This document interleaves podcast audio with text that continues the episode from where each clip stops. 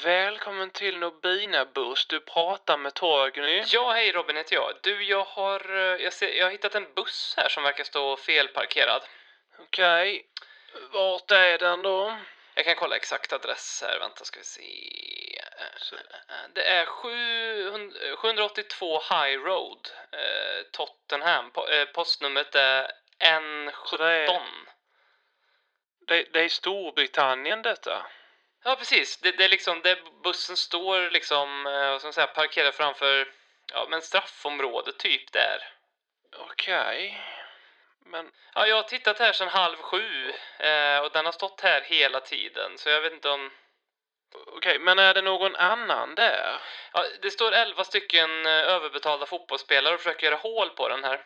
Ja, ja, men då har vi bra koll på den du. Vi fick ett samtal här från en Pep Guardiola strax innan du ringde, så att den har vi koll på. Men tack för att du ringde ändå. Ja, vad- bra, tack. Hi, this is Ledley King, and you're listening to the Ledley Kings Need podcast. Podcast. Konsekvent,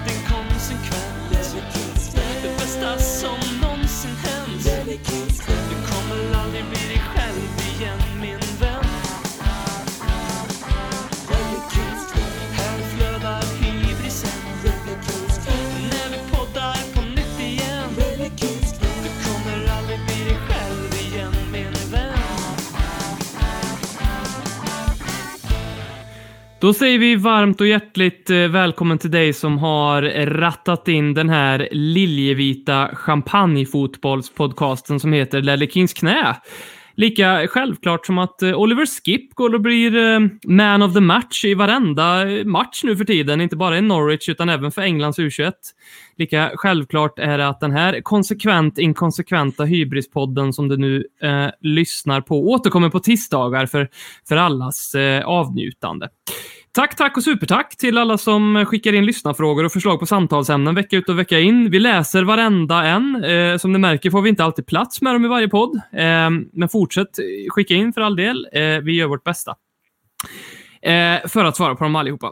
Eh, I dagens avsnitt ska vi prata om 2-0-vinsten för City, vi ska prata om Mourinhos första år och om vilka spelare som skulle göra minst avtryck i division 3.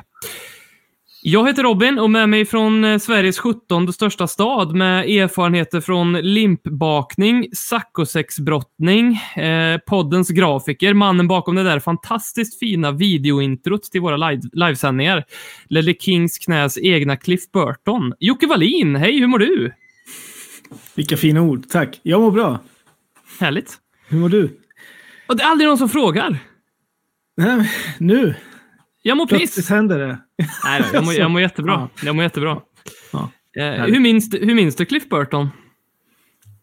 Ehm, helt ärligt så, eh, jag var nog eh, jag var nog lite för ung och eh, oinsatt i Metallica när han, eh, när han gick bort.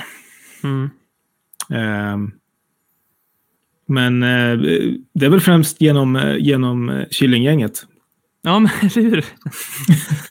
Visst är det, alltså, det är ju tråkigt. Alltså, jag, jag säger ju inte på något sätt att, så här, eh, att jag vill att han, att han skulle dö och så, men, men, men att han dog i Sverige är ju ändå, det är man ju lite stolt över. Alltså, du, du Ja, förstår det- vad jag menar? Det, det ger Sverige någonting. Ja, men någonting har det att han, att han Ja. dog i Sverige. Skulle han det någonstans så kunde han väl ändå Ja. göra det i Sverige. Eh, vi har ju också sällskap på linan Men här. en fantastisk Ja. basist, måste jag säga. Ja, det var det. Det var det ju verkligen. Fantastiskt hår Mm. också. Eh, vi har ju sällskap på linan här också av en eh, annan kamrat, eh, på tal om hår, eh, vars eh, skägg eh, är lika mäktigt som det är rött i dubbel bemärkelse. Eh, det är ju Boris Jeltsins eh, Sverigekopia, mannen som eh, svenskarna helst skulle vilja bo granne med. Marcus Håkman, välkommen! Ja, tack så mycket. Det var väl lite eh, lugn där på slutet kanske. Det sista tror jag nog inte stämmer. Att, eh, att folk står i kö för att bli granne med mig. Men eh, tack för de fina orden i alla fall. Hur är du som granne? Eh, introvert. Vad innebär det? Nej, men jag bryr mig inte så mycket om grannarna. Fy fan vad jag vill ha dig som granne, jag säger ju det. Det här är ju alla, det är alla svenskars dröm. Jag bryr mig om några grannar här. Men det är ju oftast de som är lite äldre jag bryr mig om. Jag har grannar här som är 80-årsåldern. De står jag gärna och pratar lite med. Mm. Hellre prata med dem än det här äh, 32-åriga grannen jag har bredvid mig här. Bakom Ja, mig där jag sitter och spelar. Nej, jag ger inte mycket för. Samma frågor. Hoppas han samma inte lyssnar på podden. Vad sa? Det blir samma frågor och samma samtalsämnen varje gång man ses. Nej, det är knappt så att vi eh, ja, jag, bekräftar varandras närvaro. Mm. Jag tänkte höra lite snabbt med er. Eh, ni kan svara bara ja eller nej här. Eh, ifall någon av de här fotbollsspelarna är Tottenham-legendarer. Eh, Sergej Rebrov, Nej. Roberto Soldado, Nej. Man skulle gärna Gud. vilja det. mm. Gylfi Sigurdsson, Nej, tyvärr. Darren Bent, Nej, nej, nej. Kieran Trippier. Nej. Nej, anledningen till att jag tar upp det här är ju för att Tottenham hade en liten livesändning här eh, på sin Twitter för ett par dagar sedan. Eh, med fyra, som de själva sa då, eh, de kallade det typ för eh, Le- Legends Live eller någonting. Eh, Clive Allen var där. Eh, måste man väl ändå säga någon form av legendar. Eh, Darren Anderton, också antagligen en legendar. Paul Robinson var där. Ah, då börjar vi ge oss ut på lite tunn is om vi ska kalla Paul Robinson för legendar, möjligtvis. Eh, och sen så var Michael Brown med. Eh, 50 matcher för Tottenham. Är han en legendar? Fan vad man gillade Michael Brown. Gjorde man inte det ändå? Är det bara jag som är i Michael Brown-båten? Brutal inmittfältare utan någon form av bolltalang. Gjorde väl lite mycket mål i Sheffield United innan vi köpte ifrån. Men jävlar vad brutal och hård han var. Ja. Slitvarm. Absolut. Man gillade honom, men jag gillade ju Gylfi Sigurdsson och Soldado och Rebrov också. De är ju inte legendarer för det. Liksom. Nej. Nej. Men jag gillade, gillade Michael Brown lite extra kände jag. Än Ja. de övriga vi sa där innan. Det var lite, ja. Men så Good det, så det, lad. det är liksom inte att skända ordet legendar när man kallar Michael Brown för legendar alltså. Jo, jo, det är det ju visserligen. Det är inget snack om den saken. Man är Eh, mer legendar än Erik Edman i alla fall. Ja, eftersom att han gjorde ju en säsong mer än vad Edman gjorde. Eh, så, så, då- så rent tekniskt så borde han ju vara så. Jag vet inte vart, vart är han på Sportbladets rankning? Plats för 50 någonstans, 45-50 då kanske. 76 kanske. Eh, innan vi går in på den här City-matchen så ska vi prata om att vi har levt ihop med José Mourinho ett helt år. Jag tror de flesta Spurs-fans minns exakt vad man gjorde den kvällen i november förra året då nyheten kom ut om att Pochettino fått sparken. Eh, vi hade precis spelat in ett avsnitt med Gusten Dahlin. Eh, jag gick och la mig ganska tidigt, steg upp med morgontåget 05.45 eh, till Stockholm, satt och lyssnade på alla sorgliga låtar eh, som Radiohead har gjort och tänkte på Pochettino och var väldigt nära eh, tårar. Ehm, och när han kom där i början, Mourinho, så var det väldigt många som pratade om att han var dinosaurie, att han var lika förbi sin storhetstid som eh, Anna Bok och Bert Karlsson. Eh, men själv var han inne på att han har varit borta från fotbollen en tid och fått lite tid att reflektera och att det var en ny både människa och manager som, som kom och tog över. Eh, och jag skulle vilja att vi summerar året vi haft med Mourinho. Eh, och jag tänker Håkman, du får börja. Mhm, Ja, nej men eh, året med Mourinho har väl varit som det året jag förväntar mig med Mourinho. Eh, eller ja, både och någonstans där. Att, fan, jag försöker ju vara lite, objekt, lite mer objektiv är jag utifrån vad jag tycker. Vi vill inte annars. ha dig som objektiv. Du är ju med i den här podden för att du ska leverera dina tankar. Jag ska, jag, ska tycka, jag ska tycka som jag tycker. Eh, Ja, ja, gud ja. Du, du ska Ja, inte polera ett skit här nu. Ja, Okej, nej men jag tycker att för min del är ju året med Mourinho precis någonting som jag hade förväntat mig att det skulle vara. På många sätt.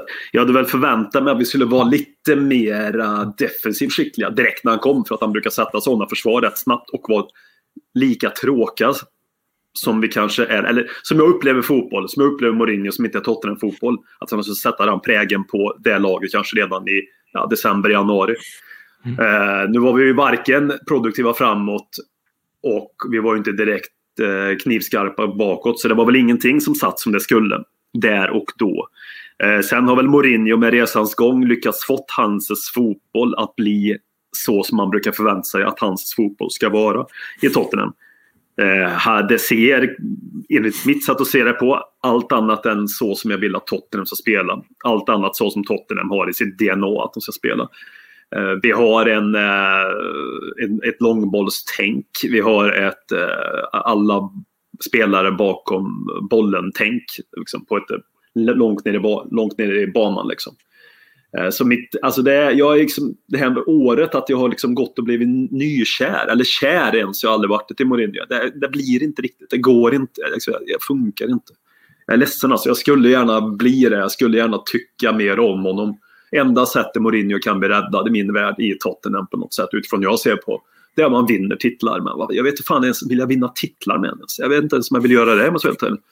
Det är klart jag vill, men alltså, det kanske titeln som hade smakat betydligt bättre utan Mourinho. Jag vet inte hur han kommer smaka med Mourinho. Liksom. Mm. Vi vann ju en titel med Graham 99. Den smakar inte så jävla bra kan jag säga. Är det bara fotbollen som Nej, nej, gör nej, nej. att... Vad Nej, är nej, det nej, som nej. gör att du, att du skyr honom? Är personen Mourinho som jag upplever som en ganska narcissistisk människa. En ganska självgod och egocentrerad människa. Som Mm. tycker om att saker handlar om honom och sitt och har inga problem att, det, att när saker och ting går bra träda fram och prata vitt och brett. Ja, då till viss del positivt om laget och framförallt positivt om sig själv. Och när det går dåligt så tar han inte någon jävla kula för laget. Utan då, och det har väl varit så inte bara i Tottenham som upplevt i stunder men framförallt i andra klubbar som Real Madrid och Manchester United. Och i synnerhet de två. Och Chelsea i sista vändan att han, att han slänger spelare framför bussen. Han utvecklar inte spelare så jävla mycket. Bara titta på spelarna till Chelsea genom åren som har sen sadlat om och fått ganska fina karriärer. Som Kevin De Bruyne. Sen har jag bara hört vad Schurrle sa, han nu uttalat den tyska vänstermittfältaren, din lookalike Robin, vad han sa om eh, sin tid med Mourinho. Den var inte speciellt eh, fin. Mm. Eh, nej men så det är inte bara att göra med spel, spelfilosofin. Det utan att göra även med att jag känner ingen identitet, jag känner ingen stolthet över tränaren, människan som är Tottenhams eh, main man längst fram i ledet, vår kapten. Liksom. Den som ska leda styrkorna in i krig. Eh, det är inte den jag vill ha i Tottenham. Det är inte den människan jag vill ha i Tottenham som ska göra det. Så det bygger inte bara på att, eh, hur han är som eh, hans spelfilosofi. Den är jag egentligen nästan minst svår för. Jag är svårare för han är som människa. Liksom. Som han framställer sig själv som människa. Vad, vad säger du om resultaten då? För de har väl onekligen gått hans väg. Jag menar, det är bara City Liverpool som har tagit fler poäng än eh, oss. Vi har... Vi, vi, det är hårt att säga, eller stort att säga att vi har gått som tåget i Europa League, men vi har ju vunnit det vi behövt göra. Ja, ja. Eh, vad, vad, vad har du att säga om det då? Liksom? Nej men alltså det är ju det som kan rädda honom som jag ser det. Det är att vi, vi vinner fotbollsmatcher, att han levererar titlar. Nej men som nu senaste matchen, som jag går in på lite mer längre fram i podden antar jag mot City. Ja men då är det perfekt. Det var en skitbra genomförd match taktiskt mot Manchester City. Ypperligt. Inget snack om den saken. Det är vissa matcher som den där fotbollsfilosofin som man, som man liksom eh, strävar efter och avgudar och eh, använder sig av i alla lägen passar bättre. Och får bättre effekt och känns mer accepterad utifrån att vi är Tottenham så att säga. Det är mot City, det är mot Liverpool, det är mot ja, men några av de här matcherna som man anpassar sig, ligger lägre, får full effekt på, på eh, avslut på mål. Liksom. Då, då, då funkar det liksom. Hur eh, skulle du summera året med Mourinho, Jocke? Om vi tar det tillbaka till den där dagen i november för ett år sedan när Pochettino fick sparken. Jag önskar väl verkligen att jag på något sätt skulle liksom eh, mm, skilja mig från Håkman i mina åsikter här. Det hade varit så jävla mycket bättre podd. men men eh, jag har liksom eh, Eh, jag har försökt förbereda mig och, och verkligen se eh, på Mourinho och året med Mourinho. Liksom, eh, försöka se det så ut så positivt ljus eh, som möjligt. Men eh, ja, nu när Håkman sitter och berättar om hur han har sett på det så sitter jag och håller med i allting. Liksom. Men ja, det, det började ju eh, det började ju bra. Han fick ju en, han fick ju en förändring direkt han kom in. Sen var ju den eh, tyvärr ganska kortvarig. Liksom. Och ja, det blev ju någon slags, jag vet inte. Han, vi fick ihop poängen som behövdes, som man får säga att han, han gjorde det han skulle. Han räddade upp det så gott det gick. Det räckte till, till, till Europa League i alla fall. Och eh, jag vet inte, man kan väl kanske inte begära mer eh, under den första, inte ens en hel säsong. Ja, jag, jag låter som ett eko nu, men eh, det är ju inte, det är inte den typen av fotboll jag tycker om att titta på. Eh, man, man, som, som, precis som Håkman sa, jag, jag accepterar och eh, liksom eh, kan väl nästan uppskatta det mot Manchester City eller mot Liverpool. Eh, men gör, gör, man på samma sätt mot Brighton och, och West Bromwich, då... Jag vet inte. Då, då tröttnar i alla fall jag. Vi eh, fick en fråga här från Karin. Hon ville att vi skulle ge henne anledningar att älska Mourinho. Eh, och eh, El Jocko skrev att han vägrar släppa Pochettino och eh, han vill fortfarande ha kvar honom än bytt till Mourinho. Men visst börjar man vackla lite i det, skrev El Jocko i, i vissa ögonblick. Eh, och i, i, den här polariserade världen vi lever i eh, så är det liksom nästan så att man, man antingen följer någonting eller så är man mot någonting hela tiden. Så nu ska jag slå ett slag för det lite mer ospecifika, det gråa, det luddiga sättet att vara på. Eh, det som är lite mer svårare i den här världen att, att, att eh, ta till sig. Och jag ska ge Karin några anledningar att älska Mourinho för att jag, ja, men jag har börjat jag har börjat ta honom till hjärtat eh, och jag ska förklara varför. För jag har tänkt igenom det här väldigt noga, så det blir faktiskt en liten motpol. Ni som har suttit här nu och eh, tänkt, vad fan är det här för jävla gnällpojker eh, som bara sitter och, eh, på sina höga hästar och krä, kräver bra fotboll och vill bli underhållna? Som han i eh, Eh, gladiatorfilmen där, Joaquin Phoenix, när han sitter där. Nej, nu, nu kommer det. Nu ska jag berätta för er varför ni måste, eller borde älska Mourinho. Eller inte älska, tycka om honom. Tycka mer om situationen vi är i med Mourinho och Tottenham just nu. Nu kommer det. Eh, och det är nio anledningar. Eh, den första anledningen, eh, den är kopplad till dokumentären.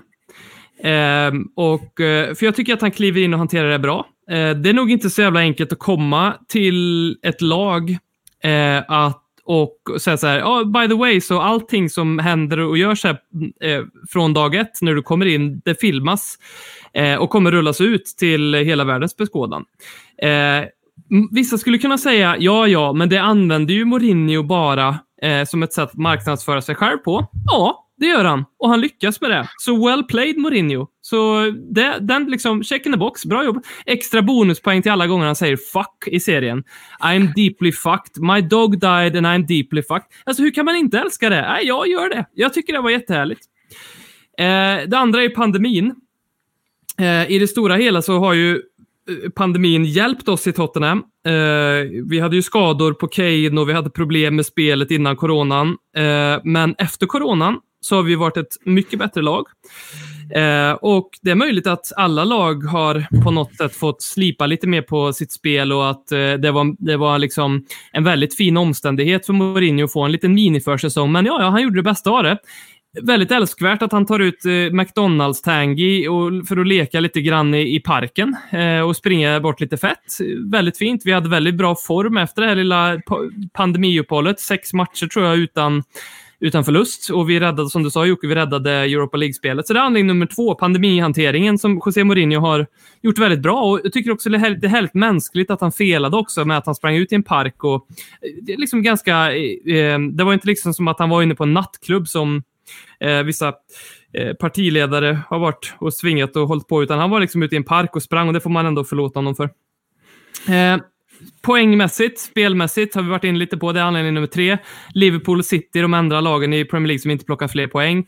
Eh, vi slår Arsenal. Vi slår City två gånger. Vi pissar på United. Eh, vi slår ut Chelsea ur cupen. Jag menar, det är bara liksom matcher som Ja, men det, man älskar det. Eh, det. Det är det man lever för. Eh, och det har Mourinho gett oss.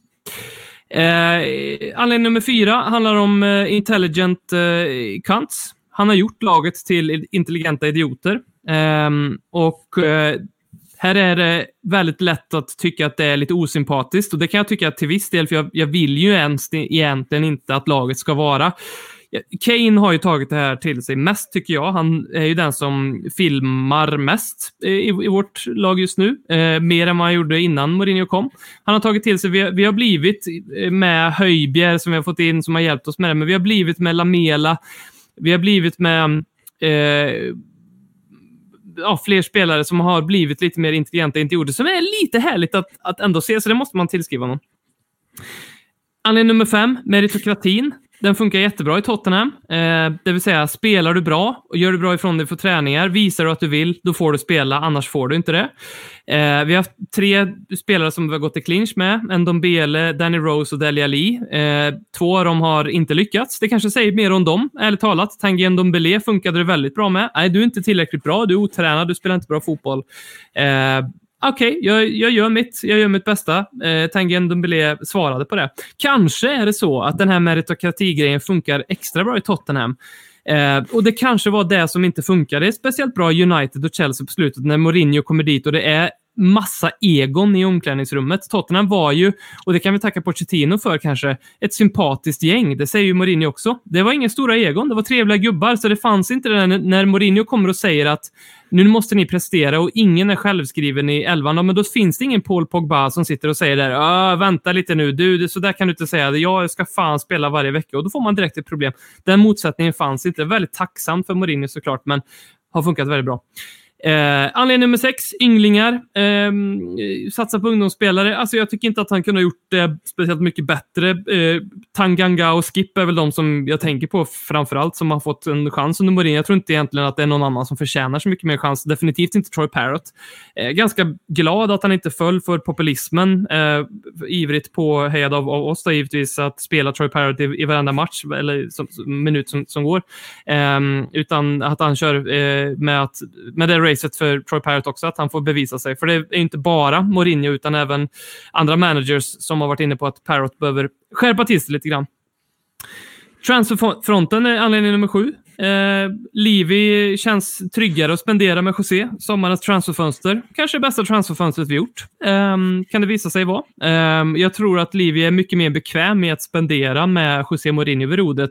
Jag tror inte så mycket på det här som många säger att ja, nu har Livi börjat spendera för att han har så mycket respekt för Mourinho. Nej, det tror jag inte. Jag tror inte det finns någon som kan sätta sig över eh, Livi på det sättet. Men däremot tror jag att Livi eh, känner mycket mer tilltro till Mourinho och vad vi har förstått på att Pochettino kunde liksom sätta lite käppar i hjulet hjulet för att han inte gillade vissa spelartyper och var kräsen och sådär. Det kan ha eh, varit sitt. Eh, anledning nummer åtta. Spelare som har tagit nästa kliv. Eh, Harry Kane har blivit en ny typ av fotbollsspelare. Han, har blivit, han kanske är Premier Leagues bästa fotbollsspelare just nu. Han har utvecklat sitt spel. Eh, Serge Aurier vill jag nämna. Också tagit nästa kliv. Verkade hopplös. Det verkar vara liksom en no-brainer. Vi borde sålt honom, inte minst jag i den här podden och vi har twittrat och tjatat om det på sociala medier. Bort med honom från elvan så långt som möjligt. Han har blivit en helt ny fotbollsspelare. Eh, och det är inte bara Harry Kane och Sergio Aurier, det är flera andra. Jag tycker Ben Davis har fått en mycket tydligare roll och utvecklat sitt spel mycket mer. Jag vet inte många som inte håller med mig om det, men det tycker jag verkligen. Och sen den sista grejen, anledningen till att vi borde tycka om, eller till att ni borde tycka om Mourinho mer, får vi säga. Det är mediehanteringen. För den är överlag bra. Eh, det finns två plumpar i protokollet vad jag minns och det är ju Tanguy Ndombele när han säger, eh, eh, eh ja, kasta honom under bussen. Och sen så är det ju, det var inte så mycket mediehantering, men det var ju eh, Sergio Rier som vi fick se i dokumentären när han ehm, eh, sa inför hela laget att Serge, du, det är jag livrädd för att du ska orsaka en straff. Sånt gillar jag inte. Eh, det, det, kan jag väl säga direkt. Liksom. Men mediehanteringen tycker jag är bra. Eh, han gick ut och försvarade Harry Kane nyligen. Eh, han, ehm, han eh, gick ut och kritiserade Manchester City för att de eh, köpte sig en Champions League-plats. Han ironiserade sig över landslagsuppehållet. Eh, han kallar Gareth Southgate för Gary. Allt det där, jättehärligt. Ja, med tanke på att jag, eh, jag och Håkman precis har sjungit Mourinho-sången i moll så eh, har jag faktiskt tre till anledningar att tycka om att eh, Mourinho är i klubb. Så att det kommer bli tolv totalt. Ja, eh, så att då blir det eh, anledning tio. Han vill vara i Tottenham just nu. Mm. Det är väldigt viktigt eh, att när han är i en klubb att han faktiskt vill vara där. Eh, och så verkar det vara nu. Eh, anledning 11, spelarna verkar vilja att han är här. Mm. Eh, de, eh, man hör ju i stort sett, det är klart att så, de säger så. Men i varenda intervju som görs så pratar ju alla väldigt mycket om eh, respekten de har för Mourinho. Eh, och också viktig del. Och anledning 12 då, kanske den, jag vet inte, kanske den som är viktigast nu. Han har någonting att bevisa. Mm.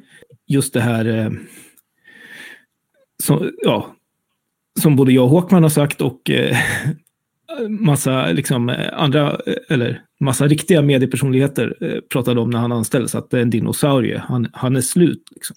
Han har föråldrade idéer och eh, hela den biten. Och han sitter och säger fuck off och stänger av tvn. Och det är upp till honom att visa att det är eh, fel. Han är väl så, han behöver ha liksom eh, världen emot sig på något sätt. För att vara, eh, för att vara bra. Och Mm. eh, ur den synpunkten så har han ju det. Du ser, fan jag kan också. Håkman, hur mår du? Jag mår bra. Ja. Det, men det är också, alltså, ja, jag vill säga till Robin, du borde bli politiker i alla fall. Du låter övertygande. Precis, jag, jag talar till förnuftet, inte hjärtat. Är väldigt subjektivt det här känns det som. Men vissa saker nickar jag väl lite instämmande om i alla fall. Harry Kane där. Det är väl en sån sak. Harry Kane har ju blivit mycket, mycket mer allround i sitt fotbollsspelande. Han har ju blivit en... eh, Ja, han har blivit nästan komplett just nu på fotbollsplanen kan jag tycka. Som han agerar och är. Jag skulle vilja summera det hela så här. För jag, jag, ska, alltså jag, jag säger inte att jag är den största José Mourinho-runkaren. Jag, Nej, har liksom inte, jag, jag har liksom inte en plansch på honom i mitt eh, pojkrum. Jag har inte ens ett pojkrum. Eh, den logiken går inte ihop, men så. Men eh, jag, jag, jag bara menar, jag, jag gillar vissa delar med Mourinho och sen så finns det vissa delar jag inte gillar med Mourinho. Och det är okej. Det kan vara så. För släpp det garden nu att man måste liksom, bara för att jag röstar på det här eller röstar på det där, då kan jag inte gilla det där. Bara för att jag gillar Mourinho, ja men då måste jag eh, glömma Pochettino. Jag gillar både Pochettino och Mourinho. Jag gillar vissa grejer med Mourinho, jag ogillar andra. Det får vara så. Låt det vara så. Vill vi vara den podden som låter så? Hur tänker du? Nej, men att allting är okej och man får tycka och alla ska vara vänner med varandra. Det var väldigt fint talat. Men vi kanske ska avsluta så. Tyck olika och låt folk tycka olika. Det finns inget rätt eller fel. Liksom. Det är det som är fotboll och supporterskap och diskussioner. Vad fan, annars är det ingen vits att hålla på med det här. Så gott som, så att säga. Och nu blir det en konspirationsteori. Record's been very good, you know, in the Premier League. I think it's the second to none, you know, in the Premier League. Any manager who's been here, I think my win percentage is higher than any of them. Three for me and two for them. Respect, respect, respect, man, respect, respect. Illuminati, ett latinskt ord som betyder de upplysta. Men mer än så, så är Illuminati också namnet på den inrättelse som sedan flera hundra år tillbaka i tiden grundades för att kontrollera världen och som än idag gör så. Det latinska språket har mycket gemensamt med det italienska. De flesta personer som talar flytande italienska kan också enkelt lära sig latin. Italien är ett land med en stark matkultur. Alla har vi väl ätit spaghetti, tortellini, ravioli, cannelloni, pizza, men också lasagne. När Tottenham i maj 2006 åkte till östra London för att möta West Ham i Premier League-säsongens sista match så gjorde man det med vetskapen om att en vinst skulle ta dem till Champions League. Ingen lyssnare av den här podden behöver upplysas om vikten av att närvara i denna anrika och lukrativa tävling. Men så blev det inte. Spelarna träffades kvällen innan match på hotellet Marriott för att äta tillsammans. Samtliga spelare åt lasagne, förutom Edgar Davids. Och alla, utom den solglasögonprydde holländaren, fick av lasagnen en kraftig och stark magsjuka. Resten är modern spörshistoria. Laget förlorar mot West Ham och missar en plats i Champions League. Tillbaka till Illuminati. Tysken Adam Weishaupt anses vara den som i slutet av 1700-talet grundade denna order som sedan dess styrt världen. Många bevis pekar på att Adam Weishaupt reser till USA, till Washington och att det faktiskt är Adam Weishaupt som var George Washington, Amerikas första president. Marriott Hotel, det hotell som Tottenham bodde på och där de åt lasagne, är en del av den stora Marriott-kedjan. Vart tror ni att koncernen Marriott bildades? Jo, i Washington. Det är ställt bakom rimligt tvivel. Tottenhams femteplats säsongen 2005-06 var iscensatt av Illuminati, denna italienskt klingande order med amerikansk-tyska rötter. Kan det vara en slump att i de fyra lag som tog sig till Champions League den säsongen så kryllar det av italienska, tyska och amerikanska spelare. Arturo Lupoli och Jens Lehmann i Arsenal, Robert Hytt i Chelsea, Dietmar Hamann och Zach Whitebread i Liverpool, Tim Howard och Giuseppe Rossi i Manchester United. Hur många tyskar, hur många italienare och hur många amerikaner fanns det den här säsongen i Tottenham? Noll. Jag repeterar, noll. Edgar Davids, som var den enda att inte äta av lasagnen, han fotograferades för ett gäng år sedan då han besökte Playboy Mansion i Los Angeles. Där träffade han Hugh Hefner, en man med intima kopplingar till Illuminati-orden. Det är enkelt att bevisa. Lasagnegate 2006 var inget annat än en kupp iscensatt av Illuminati för att hålla kvar världsordningen. I vilket syftet är att de rika ska bli rikare och de fattigare ska bli fattigare.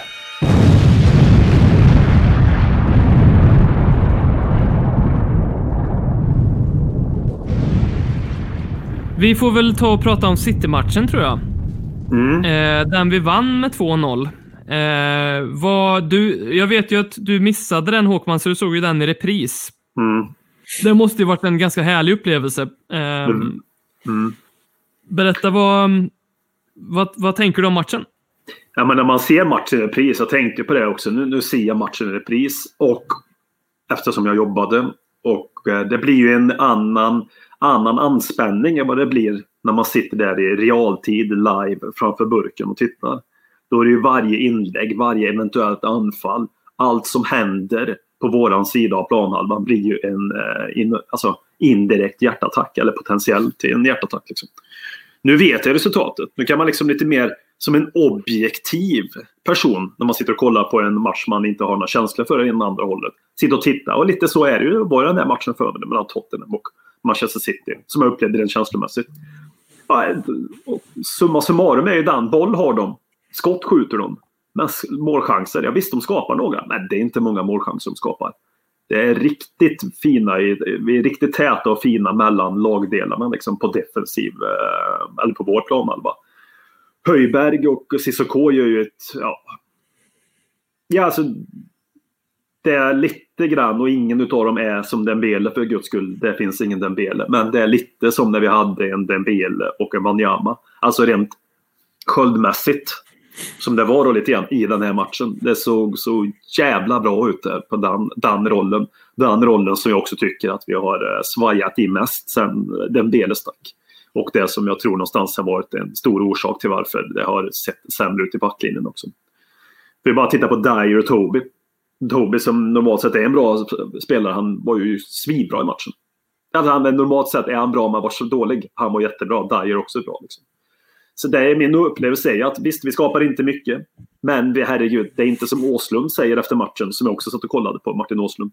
Där han säger att en sån här match förlorar Tottenham 9 av 10 gånger.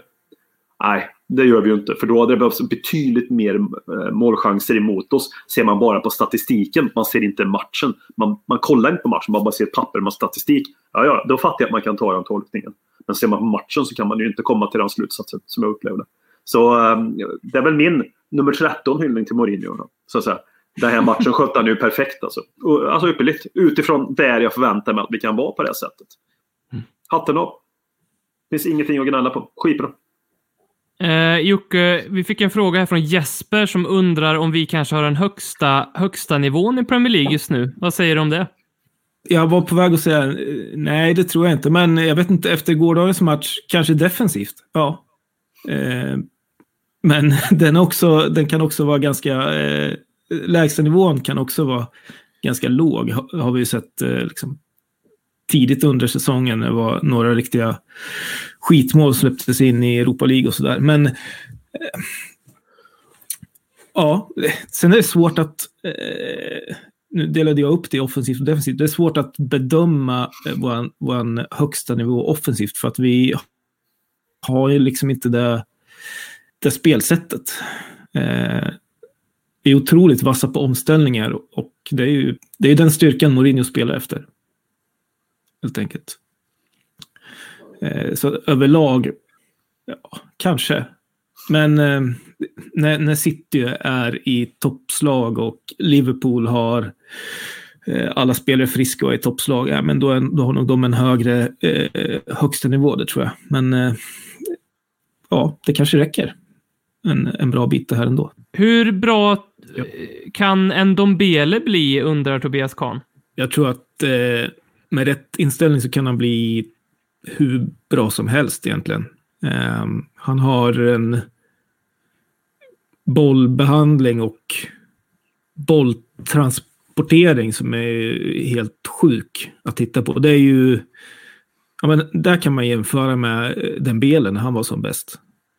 Eh, och en blick för spelet och styrka i kroppen som, eh, som är fantastiskt fin att titta på. Så att eh, det enda som, som liksom kan sätta någon slags käpp i hjulet eller egentligen kan bromsa honom, det är ju ja, psyket, tror jag.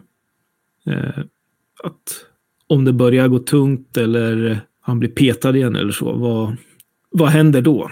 Jag, jag, jag vill se honom spela hela tiden. Jag tänker på mycket det som ni har eh, och många, och jag där också, eh, belackat Mourinho för att vi spelar tråkig fotboll. Möjligtvis kan det vara så att eh, en Dombele och Lo Celso, när de båda två är så pass matchfit, när den när de stjärnorna står i samklang så att säga, de har inte stått så eh, hittills, men de har aldrig spelat en hel match ihop. Men när de gör det, då kanske det är så att vi kan föra boll mer. Jag vet inte.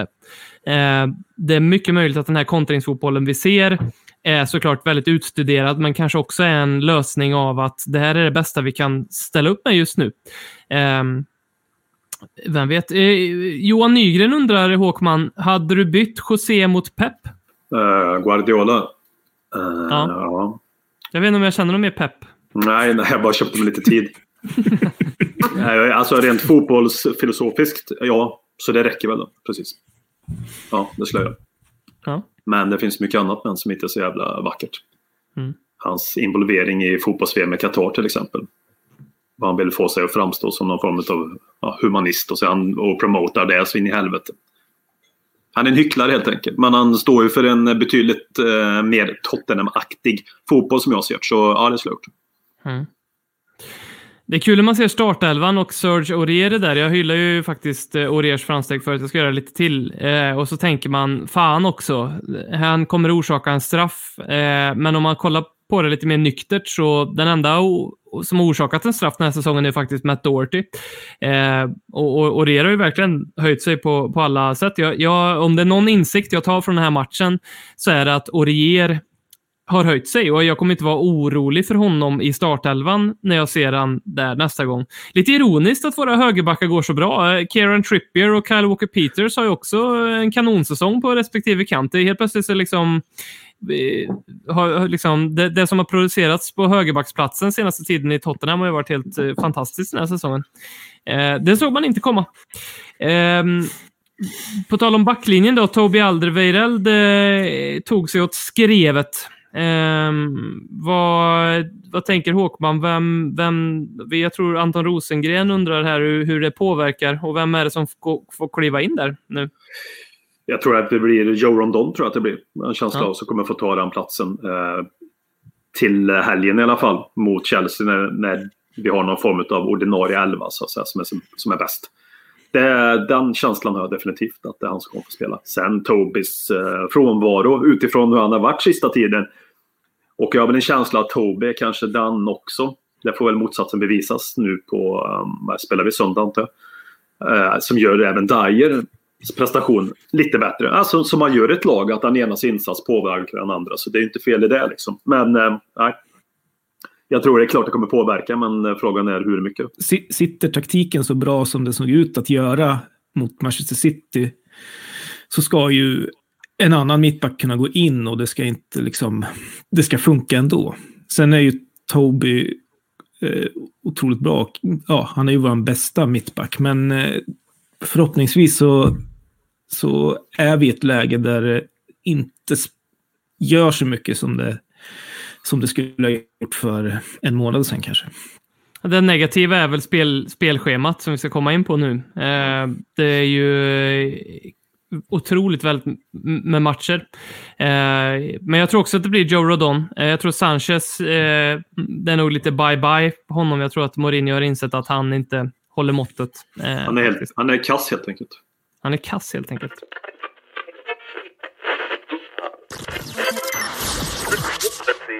Du lyssnar på Ledley Kings knä. Billigare än terapi, roligare än knark. Det ligger en eh, bombmatta av matcher framför oss här. Inte bara tätt. Ehm, det är eh, kort återhämtning mellan matcherna, men eh, det är också så att det är Chelsea. Eh, det är eh, Liverpool, det är Arsenal, det är Leicester eh, och så emellan där är det Europa League-matcher. Eh, vad, Jocke, vad, när du ser det här eh, komma, vad, vad, tänker du? Vad är din känsla? Och vad, vad, vad behöver vi och vad behöver vi inte under den här perioden? Eh, min känsla kanske något färgad av, eh, liksom efter att ha tvålat i City igår, men det är att jag är inte så... Jag är inte lika orolig för att eh, tappa poäng och förlora matcher. Jag tror att det kommer vi nog göra och jag tror att vi kommer hänga med i toppen ändå. Jag är mera orolig för fler skador än, eh, än att eh, förlora matcher. Mm. Eh, det skulle till exempel, liksom, det finns ju vissa spelare som, som inte får gå sönder. Typ Höjbjerg, det vore ju förödande. Eh, så att, eh, mm, det är väl min känsla. Vad tänker du då, Håkman? Ja, Framförallt, du har det fyra matcher det som vi har nu. Alltså det är ju fyra riktiga matcher man bryr sig om. Oavsett nästan hur det ser ut i tabellen också, som man vill vinna. Så det är matcher som betyder någonting som supporter mer än bara tre poäng. Nu är det tre poäng, men Arsenal och Chelsea säger sig själv. Liverpool har ju blivit någon form av det här blivit skönt att dänga till dem på käften. Liksom. Och Leicester, ja. Med Jamie Ward är den kanske mest osympatiska människan i hela jävla England. Liksom. Så det är klart man vill vinna. Ja, en utav, nästan. Så, nej, men Har du hellre men det- Vardy än tränare än Mourinho? Nej, då har jag hellre Mourinho faktiskt. Men, men eh, det, så det, nej, det blir jävligt roligt schema att gå in i.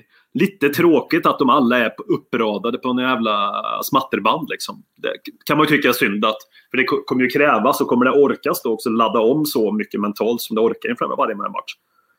För jag tror att det ändå krävs lite mer av spelarna än att bara inom citationstecken ställa ut skorna. För det är inte säkert man vinner då ändå, som nu gjorde vi mot WBA. Så det kommer ju krävas en hel del eh, ja, liksom, psykisk omladdning så att säga, på, på de här fyra matcherna som har sån extremt hög status. Och som kommer liksom spegla kanske vår säsong lite grann. Hur det kommer, liksom, vilken fart och vilken riktning den kommer ta. Mm. Mourinho fick ju eh, pissa på sin gamla ärkerival Pep här nu i helgen. Eh, för inte så länge sedan så tvingade han ju sin gamla klubb Manchester United att äta bajs. Unnar du honom att få tvåla till Frank Lampard till helgen? Om man gör det, ja det kan man ju säga att man gör. Fat Du unnar Frank. det? Mm. Ja, ja, ja. ja. Men fan, han är ju Tottenham så klart man undrar honom att vinna med oss. Liksom. Mm. Eh, riktigt, den riktningen har man ju inte tagit än, där man sitter och hoppas på att vi ska förlora fotbollsmatcher. Där har man inte ens varit nära att vara. Bara för man är kritisk mot Mourinho betyder ju inte att man kanske har någon form av vurm eller agg mot Tottenham. Som det kanske gör gällande i vissa liksom, sociala medier att det finns en sån ståndpunkt. Bara för att man är emot honom så är man emot Tottenham. Så att säga. Det är lite grann som att säga att man är emot, eh, bara för att man är emot Stefan Löfven som är emot Sverige. Riktigt så funkar det inte heller. Men, men visst, vill man ha den taken på det så blir det ju lätt att försvara sin egen ideologi som Mourinho-älskare. Vad var frågan ens? Jag svävar iväg där med min eh, svammel. Un, kände jag. un, undra, unnar du Mourinho att få tvåla till Frank Lampard? Ja, men det gör jag. Han har väl aldrig haft en direkt vurm för heller va, genom åren. Frank Fat Lampard? Frank. Nej, Nej. nej. nej. Det är det enda som är bra med han, att han är, är släkt med Harry då, på något sätt. Just det. Ja. Eh, har du en Håkman-show? Ja, jag har en liten, en liten avskalad fin 10, 15, 20 sekunders uh, Håkman show. Absolut. Som vi ska bädda av här. Då klipper jag in en uh, jingel här nu och så kör vi Håkman show. Talkman show. Talkman show. Talkman, Talkman, Talkman show.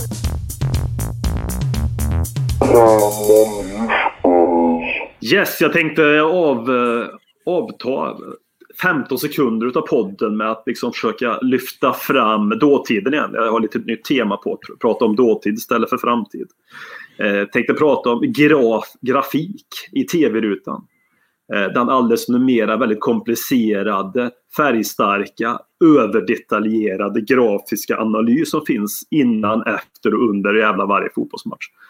Jag, jag vill att vi ska ändå backa det här bandet. Hur många år vet jag inte, men backa bandet tills, till vissa. Och jag är nöjd i alla fall att den grafiska profilen under, efter och ja, mellan matcherna ska vara mycket mindre, mycket mer lättförståelig. Nästan så att jag bara nöjer mig med skott på mål, antal hörner och var matchen då slutar och vilka som gjort mål. Ganska ointressant vilken minut de gjorde mål, mål i till och med.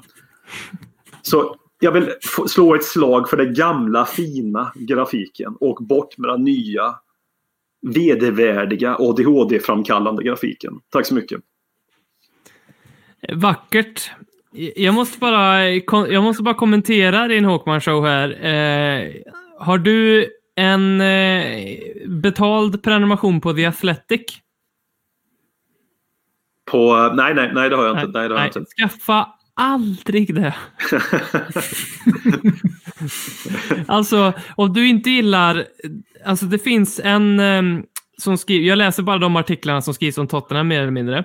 Det Mm. finns en, jag kommer inte ihåg vilken av dem det är, men det är någon av Charlie eller Jack heter de tror jag, som, Mm. som eh, alltid skriver väldigt mycket statistik.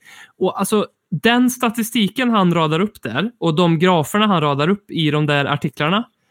Alltså det är jag, jag läste matte C och jag gick ut med IG. Alltså, hade, ha, du, jag, det är samma, när jag läser det där, jag förstår inte ett jävla skit. Det är expected goals, kolla på den här grafen och den korrelerar med den här grafen och man jämför det med och tidsaxeln och här, bara så här, vad, vad är det här? Jag, fa- jag fattar inte ett skit. Skaffa inte det, Håkman. Men det, det blir väl lite för, för, för um, alltså, anna, lite tråkigt sätt att analysera fotboll på kan jag tycka. Man flitar sig i en alldeles för stor nivå till eh, siffror, expected goals som du säger och allt det där till. Eh, att det tar ifrån själva innehållet i spelet till viss del kan jag tycka då, när man analyserar det. Man förlitar sig i för stor utsträckning på siffrorna. Liksom. Och, ja, och, och formar analysen utifrån siffrorna. Det är lite som man skulle få, som Martin Åslund känns som han gjorde, nu såg jag den matchen. Att han formade den där analysen och nio av tio gånger vinner City utifrån den här matchen. Nej men vad fan, ja statistiskt sett gjorde de ju säkert det. Men på planen, nej. Jag vet inte om ni håller med mig i den avseendet i alla fall.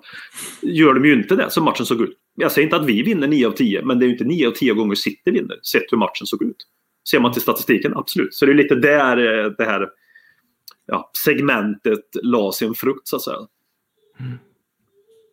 Jag håller med dig, för jag tycker ju i, alltså med fotboll, det, det, det här är det argumentet jag alltid kör på hockey och någon får jättegärna skjuta sönder mig på det, men jag tycker så här, spelar du en hockeymatch eh, tio gånger efter varann, då, då får du så här tio olika resultat. I ena matchen så vinner ena laget med 7-1, nästa match blir det 5-2 till andra laget, sen så blir det 3-3, sen blir det 0-0, sen blir det till, alltså det är så här, hallå, vad är det som här? Men det är det som jag tycker är lite förtjusningen med fotboll som gör det lite intressant, att det finns spelar du tio matcher i rad, jag tror det blir mer eller mindre samma eller liksom, inte om du spelar dem efter varandra, men så att du skulle slumpa fram samma match tio gånger med att båda lagen går in med samma taktik, ja men då kommer det bli typ samma resultat därför att det ligger så pass mycket taktik i fotbollen så att Eh, och, och så mycket, som, som gör det intressant. Och det är det som är eh, också då eh, vi får kritisera Åslund för lite grann. Jag tror att det är väldigt Eh. mycket mentalt också bland fotbollsspelare. Ska jag inte dra ut på det här segmentet allt för långt. Men jag tror att det är väldigt mycket mentalt för fotbollsspelare. Jag tror varje fotbollsspelare på den nivån de är som Tottenham och City. Det skiljer nog inte i stora drag så det är jättemycket på dem som fotbollsspelare. Alltså om man tar hela elvan mot varandra, enskild, enskild spelare, så skiljer det naturligtvis jättemycket. Om du tar Höjberg mot Kevin De Bruyne så är det helt två olika typer av fotbollsspelare. Men tar du Kevin De Bruyne och Ndombele, ja det är klart det skiljer som smakar, men i stora hela så är det två rätt likvärdiga fotbollsspelare sett när de når sin högsta nivå. Det kan jag väl ändå tycka. Och många andra spelare mot de här. Alltså, det är ingen stor skillnad. Den nivån ligger Tottenham på nu. Alltså när vi pratar Tottenham mot City, vi pratar inte Tottenham mot WBA, då, då är ju skillnaden mycket större. Men då kan ju också det här kan ju också det här matcherna också se väldigt mycket jämnare ut än vad de egentligen kanske borde sett till nivån på lag. För att det är så mycket mentalt, tror jag, i fotboll. Till viss del. Alltså inställning, hur du kommer in i matcherna, vad du förväntar dig av matcherna. Du går ju säkert inte in som fotbollsspelare och tänker att det här vinner vi lätt, jag kommer gå in och ge 75 procent. Men en undermedveten sån tickande liten klocka finns det nog inom dig. Att du kanske går in och tar det här dagen. Men man är ju inte lika taggad inför varje upp- arbetsuppgift själv man gör. Går man till jobbet, det är inte så att man taggar till lika mycket inför varje event. Händer någonting nytt, ja, men fan, då är man lite mer på tå. Förstår du vad jag menar? Lite större saker. För att dra en liten parallell till det vanliga livet. Liksom. Så jag tror att inställning, och då är det inte för att förenklat som en gammal brittisk tränare 70-tal att allt har att göra med inställning. Men jag tror att det är, en, det är liksom en eh, jävligt eh, viktig del när lagen ändå är så pass jämna som de är kvalitativt. Så att säga. Mm. Och för att ta en eh, koppling till verkliga livet som du precis gjorde med det här med statistik och så. Eh, alltså, så att man, man ligger med sin, med sin partner. Inte fan vill man bryta ner det i statistik efteråt. Nej, men vi låg med varandra, det var trevligt och härligt. Jag vill inte veta hur stor procent av tiden jag var inuti dig, du var ovanpå mig och hur många gånger, hur många juck. Jag skiter i det. Det blev det blev, det blev. Skitsamma, jag vill inte läsa det. Jag håller med. Nej, är rätt. Nu ska vi skratta åt topp 6. Let's laugh at the top six. They are really shit.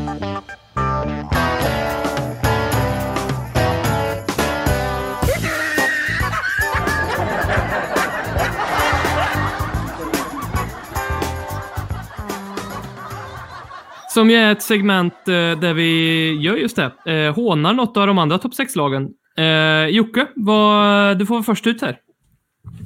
Eh, ja, tack. Eh, det kan väl inte bli något annat än Arsenal idag, känns det som. Eh, med eh, slagsmålet på träningen. Eh, som, eh, vad var det? Det var, det var David Luiz och... Ceballos. Just det, Ceballos. Som, som han slog till så att han föll ihop i plågor, stod det. Eh, det kan man ju se framför sig, faktiskt. Eh, jag, o- jag, tror inte att smällen var så hård. Det spelar inte så... Jag tror att han gjorde nog det mesta av den där smällen. Och så blev de båda hemskickade. Det är ju... Ja. Det, sånt gillar man ju att läsa. Tycker jag. Det är inte mycket sån turbulens i Arsenal nu, men mycket lite bråk och lite sån här, lite egon som sätter sig mot varandra, eller? Ja, det är inte en klubb som mår bra. Verkar det ju inte som. Säg det där igen. Ska, ska jag säga nära micken? Ja, gör det. Arsenal, det är ju inte en klubb som mår bra. Åh. Pepes Ja, eh, Zidane-skallning eh, i matchen nu. Tyvärr fick de ju med sig ett kryss mot Leeds, men Ja, jag, jag, såg, jag har inte sett den, jag har bara läst om det. Men eh, sånt gillar man ju också. De mår ju inte bra. Nej. Eh, ett, några andra som inte mår bra. Jag plockade upp eh, Ole Gunnar Solskjärs eh, citat innan matchen mot West Brom. Eh, som de ju vann. Men de vann inte övertygande. Men eh, han sa så här. Eh, hemma, borta match. Det är eh, annorlunda nu än vad det brukade vara. Eh, om vi hade våra fans med oss så skulle det ha gett oss den där lilla X-faktorn som vi behöver.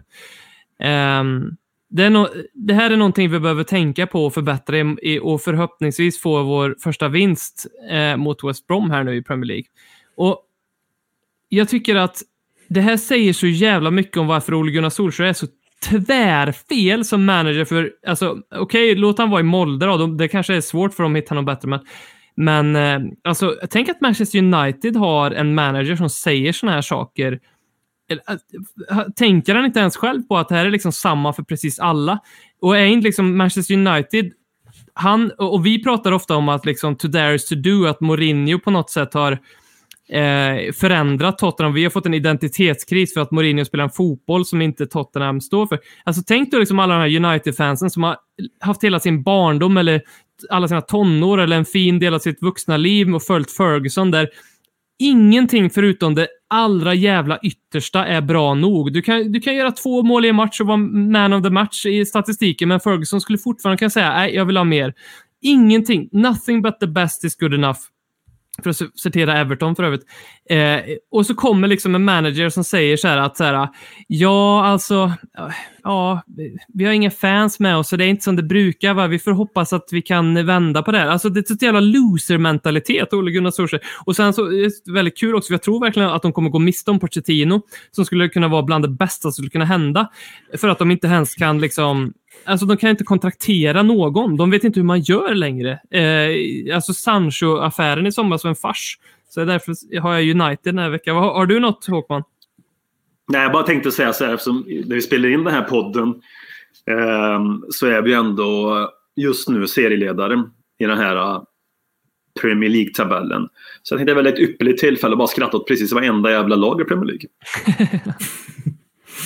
Är ni inte bättre än så här jävla sopor? Ja, men lite så. Så ja, ja. Skratta, skratta åt alla. Alla 19 ja. övriga lag. Så mm.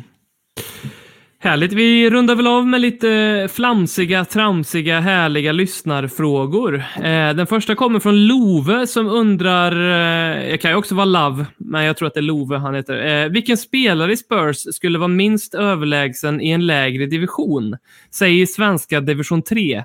Det finns ju några sådana spelare som det känns som de skulle göra lika mycket nytta i ett allsvenskt lag som ett korpenlag på grund av deras spelstil. Vad säger ni? Ja, absolut. Det finns väl några. Eller någon. Eventuellt. Och frågan är ja. då vilken? Ja, men det är väl Ben Davis tänker jag. Han går väl in och är alltid lika, har samma nivå oavsett var han går. Alltså det är väl Wales svar på Teddy Lukic. Någonstans där. Eller? Mm. Han är bra jag i tänk... Allsvenskan, han är bra i division 2. Mm. Jag tänker att eh, Höjbjer, hur jävla bra han än är, så skulle han ju inte liksom... han skulle inte sticka ut och glänsa i division 3 och göra så här eh, sjuka grejer som, säg, jag vet inte, Lo Celso, han skulle ju kunna eh, bara leka med varenda en eh, och förnedra spel. Det skulle inte Höjberg göra. Han skulle göra det han behöver göra. Stoppa motståndarens anfall, spela bollen till sin liksom, lagkamrat och sen så här, ja, nu, nu väntar jag och koncentrerar mig på att ligga rätt när bollen kommer i närheten igen. Mm. Är inte det jävligt härligt att, att det är så? Att, han skulle, att man får exakt samma sak om man sätter honom i en korpmatch eller om man sätter honom mot liksom världens bästa fotbollsspelare i en Premier League-match. Jävligt härligt. Ja, verkligen. Men eh, då, då, får du en till fråga Jocke på samma, inte tema, men samma person. Eh, Axel Svensson undrar vem den bästa danske spursaren de senaste tio åren är. Eh, ja, men... Eh jag måste, jag måste faktiskt ändå säga Christian Eriksen. Eh, än så länge så har han eh, liksom bidragit mycket mer. Men eh, ja, fortsätter det så här så kommer ju det ändras inom, inom kort får man väl ändå säga. Mm. Mm. Eh, Annie undrar vad vi tror att Delia Lee gör nu. Vaktar han Eric Dyers hundar kanske? Och eh, Rawhide på samma tema undrar hur kommande säsong i e-sportens värld kommer att gå för Delia Lee? Ja, det känns väl att Delia Lee kan väl totalt skita i allting nu på något sätt. Att han har lite den... Ja, att han har gett upp lite. Jag vet inte. Kan det bli som honom? Jag vill ju verkligen inte det. Jag vill han ska lyckas och jag gillar Delia Lee. Men jag kan tänka mig att han don't give a flying fuck lite grann. Mm. Lite den feelingen har jag kanske över Men han har ju jävligt brant uppförsbacke också, känns det som. Och den branta uppförsbacken kanske han förtjänar till viss del eller inte. det må vara så, men den är brant i alla fall. Ja, eh, jag tror jag har, jag har liksom... Eh, för mig har Delia Lee, eh, jag har skrivit av honom nu. Han måste bara bort. Jag, jag, jag, jag jo, jag, alltså... Ja, vad fan. Jo, men han, han, det är hårt alltså, tycker jag. Det, jo, men alltså vad fan. Se på hur han har reagerat mot den här petningen. Jag vet, jag såg liksom det första Instagram-posten jag såg när han la upp att han hade fått ett PS5. Jag tänkte jag, nej, fan det här är det sista du behöver just nu, Dele Ali. Och sen så såg jag sen några dagar senare så här, jag har skrivit på för det här e-sportlaget, men herregud Dele Ali, det här är det sista du behöver just nu. Han, han är inte där. Sorry. Alltså han, han skulle kunna bli nya Gascoigne, absolut, men det kommer inte att hända i Tottenham. Något ska han göra med sin tid. Precis. Han spelar ju inte fotboll, så då kan han väl eh, hålla på med e-sport. Eh, jag, ja, jag förstår vad du menar, men jag tänker också han är, han är i en sån här fas nu när det spelar inte så stor roll vad han gör. Det kommer se illa ut ändå. Liksom. Men eh, sen hade han varit lite mer eh, rutinerad och eh, tre år äldre så hade han väl kanske insett eller tänkt att ah, jag kanske ska ta det lugnt med lite så här Instagram-kampanjer just nu. Det är inte rätt läge liksom. Eh, men ja, han lär sig. Ja. Det är synd bara att det kommer till PSG som får ut det bästa av honom. Ja. Eh, vad tror ni? Lukas Stockholm undrar vad som hade hänt om Mourinho hade kommit till Tottenham 2003. Räcker det inte som vi har nu eller? Ja, men han, vad, vad, vad tror du? Nej Ja, men om man säger så här så han kom i 2003.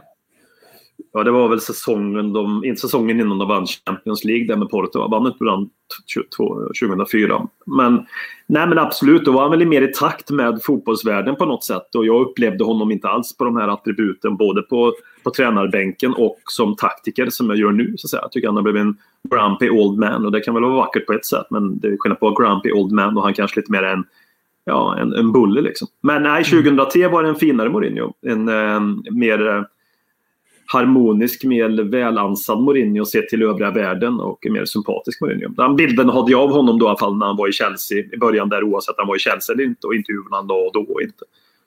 Så absolut, vi hade nog mått bra, bättre av Mourinho då än nu. Även om vi led tabellen, men jag förstår vad jag menar. Då spelade ju också Tim Sherwood in i mitt fält för Tottenham. Va? Det hade ju varit något. Att Oj, se oj, Mourinho oj. coacha Tim Sherwood. Det, det, det här känns som så här eh, sliding doors ögonblick. Vad hade hänt med Tim Sherwoods karriär? Han kanske hade någonstans- varit eh, våran Pep Guardiola då. När han tog över liksom. efter, efter Bias Boas. Någonting säger mig att det hade slutat med att det är Tim Sherwood som hade coachat Mourinho 2003 ifall det hade varit det. Tyvärr så, jag kollar här 2003, tyvärr så var inte Tim Sherwood i truppen då. Men eh, däremot, för att knyta an lite grann, eh, så vi kanske hade fått en helt annan historia i Tottenham. Eh, vi kan ju börja med Michael Brown, för han var i Tottenham då. Och det är mycket möjligt att eh, Tottenham Hotspur eh, social media account lever i ett parallellt universum där Mourinho faktiskt tog över 2003 och Michael Brown är liksom våran tids Cloud Makelele. Vem vet? En annan spelare vi hade i truppen då var ju Helder på Stiga, som var ju en tokflopp. Eh, snygg var han. Jävlar vad snygg han var. Helvete vilket, eh, vilka drag. Vilken kille. Kanske den snyggaste Tottenham-spelaren någonsin faktiskt. Skulle jag vilja säga. Snyggare än Kranjčar. Snyggare än Kranjčar.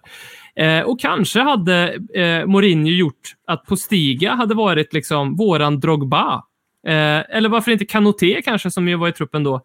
Ehm, vi hade ju också Gary Ginger Pelé Doherty. På tal om snygg. På tal om snygg. Va? Vad hade inte Mourinho gjort med honom? Alltså, vi hade ju en fruktansvärt usel backlinje den här säsongen. Jag, jag hittade, jag, vet, jag, när jag tittar, jag förstår ju att Ledley King var liksom... Det måste ha varit King och Anthony Gardner som var våra eh, mittbackar. Steven Carr på högerbacken. Och så tror jag vi körde Christian Sieg en del på vänsterbacken.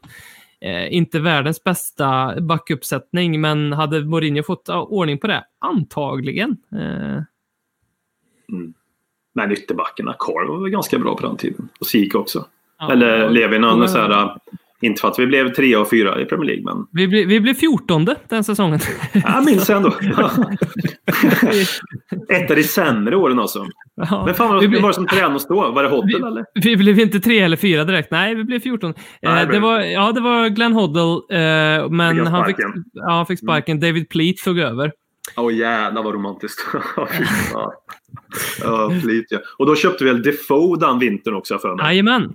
Vi, ja, någon, eh, här hade ju verkligen Liv i en sån här, det här var ju eh, tidig Liv-era. Ja, riktigt tidigt. Eh, här var ju han liksom ny, ny som vd på en fotbollsklubb och tänkte ah, man, man måste köpa anfallare. För då köpte han då Helder på Stiga, Bobby Samora, Fredrik Kanoté och Jermaine Defoe. Alltså fyra anfallare köpte han. Och Bobby Samora köptes väl från Fulham va? Och var väl riktigt bra i Brighton. Fulham. Så, Brighton, Brighton. okej. Mm. Och han var duktig där i alla fall. Han var i Fulham senare då kanske. Han Mm. lämnade oss för Fulham. Ja, fan, är- fan vilken härliga namn man får höra. Jag blir lite glad över de här gamla namnen. Det, Ja. ja. Så, eh, kommer du ihåg Mumbulelo Mabisela? Underbar spelare. Han gjorde väl ett mål tror jag mot oss. Ja. Var väl kapten i B-laget eller jag ska säga U21, U23 eller vad man kallar för i typ 3-4 år i Tottenham. Sydafrikan.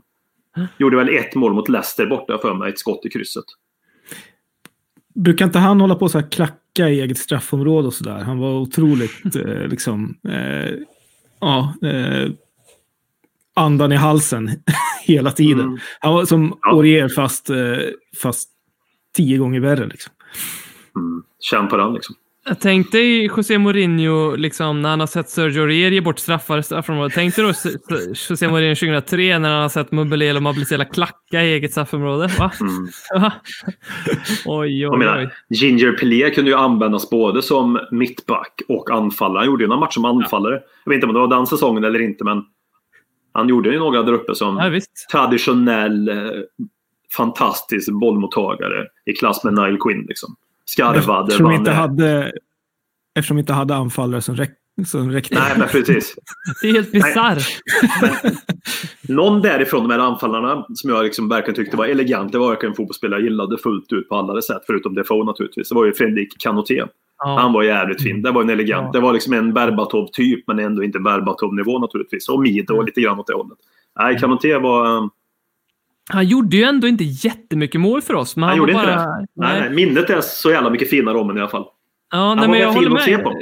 Jag kanske har fel jag ska, jag ska kolla. Han gjorde 15 mål på 60 matcher. Nej, så det är Ja, 14 det mål. låter, han. låter ju inte så jävla bra, men, men nej. Var det var ju en annan tid också. Han eh, gjorde den där eh, jättevolleymålet va? Det var det va? Mm. Ja. Mm. Mm. Fin tid. Alltså, jag rekommenderar alla att gå in och kolla på säsongen från 2003-2004. Det är någonting med det här laget. Det är många liksom, ja, legendarer, jag får inte Mm. säga. Eh, Taricco väcker jättemycket minnen. Maurizio Mm. Taricco.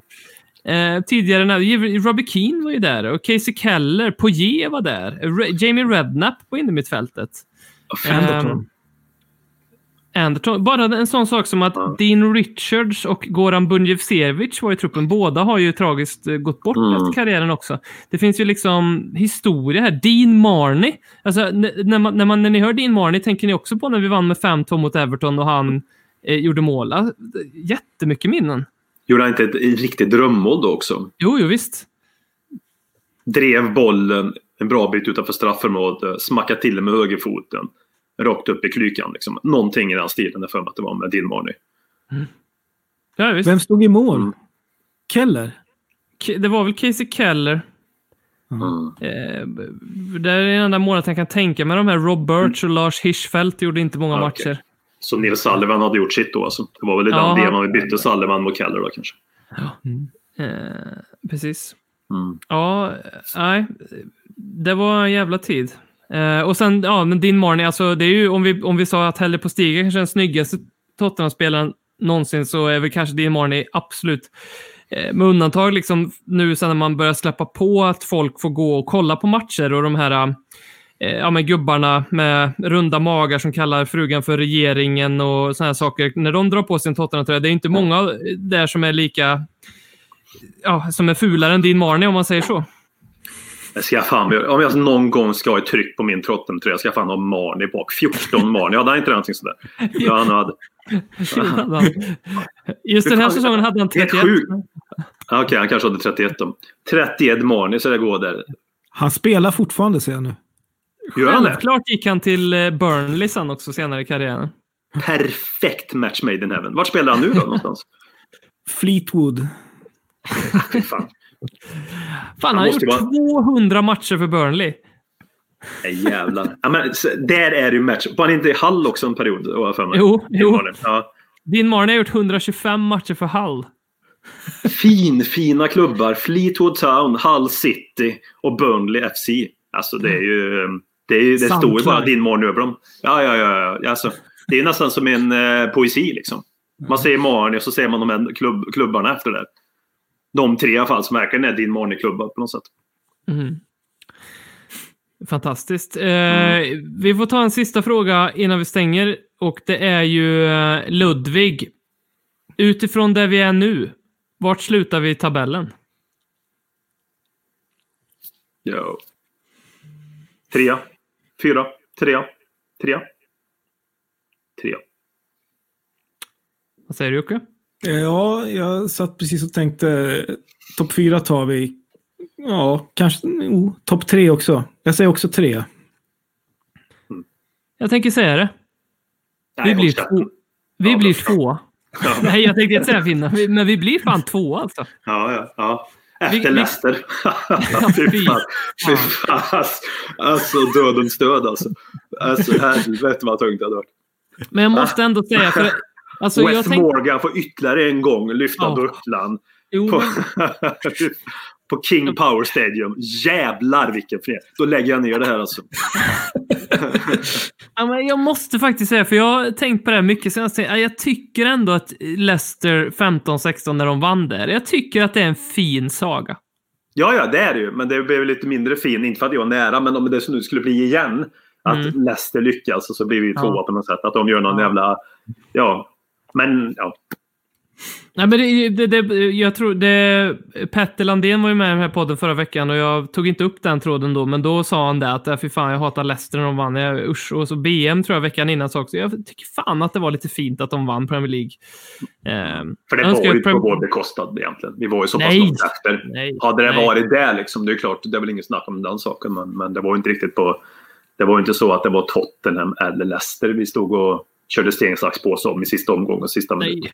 Det är bara ett narrativ i efterhand av uh, Arsenal-supportrar som inte ens fattat att det är de själva som bottlar hela skiten, för de kom ju tvåa den säsongen. Ja, men det, så blev det ju till sist. Ja. Så blev det ju till sist. mig, Ja, jo. Och De ledde ju i alla supportrar fall. Som, Jag ledde inte Arsenal vid jul typ, eller något sånt där. Eller något. Ja. Ish. det var på den tiden det ja, gick ändå bättre än vad det gör nu för dem någonstans. Ja, hoppas att eh, ni har eh, njutit av ett avsnitt av Lellekins knä. Det 218 i ordningen. Eh, gilla och dela gärna avsnittsinlägget på Facebook eller Instagram eller Twitter så att det får lite spridning här. Eh, missa inte våra livesändningar. Det kommer ju någon ny här på torsdag gissar jag, innan Europa League. Det löser vi väl. Eh, Vi hoppas också kunna bjuda på en inför Chelsea, får se om vi löser det, men det märker ni. Mot Arsenal däremot här eh, lite längre fram i december, då kan ni börja Eh, börja, det kan ni skriva in i kalendern för eh, då har vi några riktigt roliga saker på gång. Då blir det livestream innan match. Då ska vi Ehm, slåss helt enkelt kanske. det ska vi verkligen göra. Ja, Ja. Det ska, vi. vi kommer streama från en grusgrop som jag hittat utanför Forshaga. Ehm, och så har jag tänkt eh, lura i dig lite ja, eh, ladd. Eh, också några andra som jag tänkt bjuda dit. Ehm, samling personer som jag håller på att ringa runt och fixa lite. Eh, så, så att, eh, men det, det bästa är om du bara låtsas som att inte du vet vad som händer. Absolut. Tack ska ni ha. Tack. Tack och bock. Konsekvent, inkonsekvent Det bästa som någonsin hänt kommer aldrig bli dig själv igen min vän. Här flödar hybrisen. När vi poddar på nytt igen. Du kommer aldrig bli dig själv igen